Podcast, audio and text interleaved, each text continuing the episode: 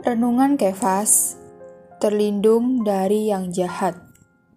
2 Tesalonika pasal 3 ayat 3. Tetapi Tuhan adalah setia. Ia akan menguatkan hatimu dan memelihara kamu terhadap yang jahat.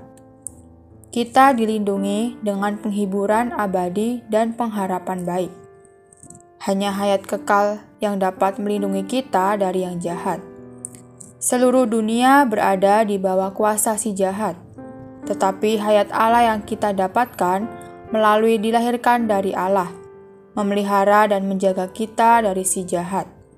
Kita mempunyai satu bagian di dalam kita yang telah dilahirkan kembali, dilahirkan dari Allah. Bagian ini yang pada hakikatnya adalah Tuhan sendiri selalu menjaga kita. Setelah dilahirkan kembali, kita perlu belajar menempuh kehidupan yang kudus bagi hidup gereja.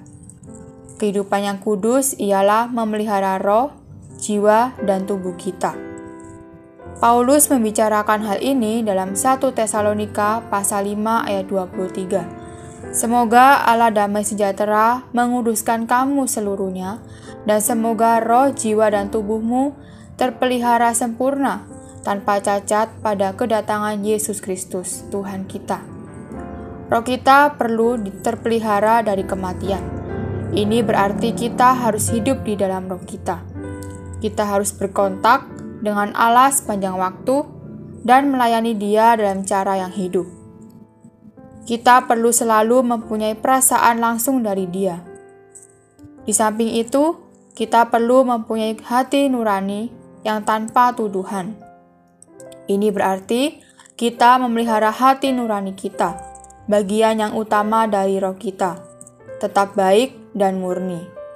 Memelihara roh kita berarti memeliharanya dari kematian, pencemaran, dan tuduhan. Sobat Kefas, jika roh kita terpelihara sedemikian, kita akan mempunyai suatu roh yang hidup dengan perasaan langsung dari Allah.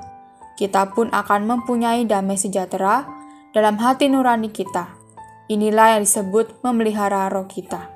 Poin penting, satu, hidup gereja yang kudus adalah memelihara roh, jiwa, dan tubuh.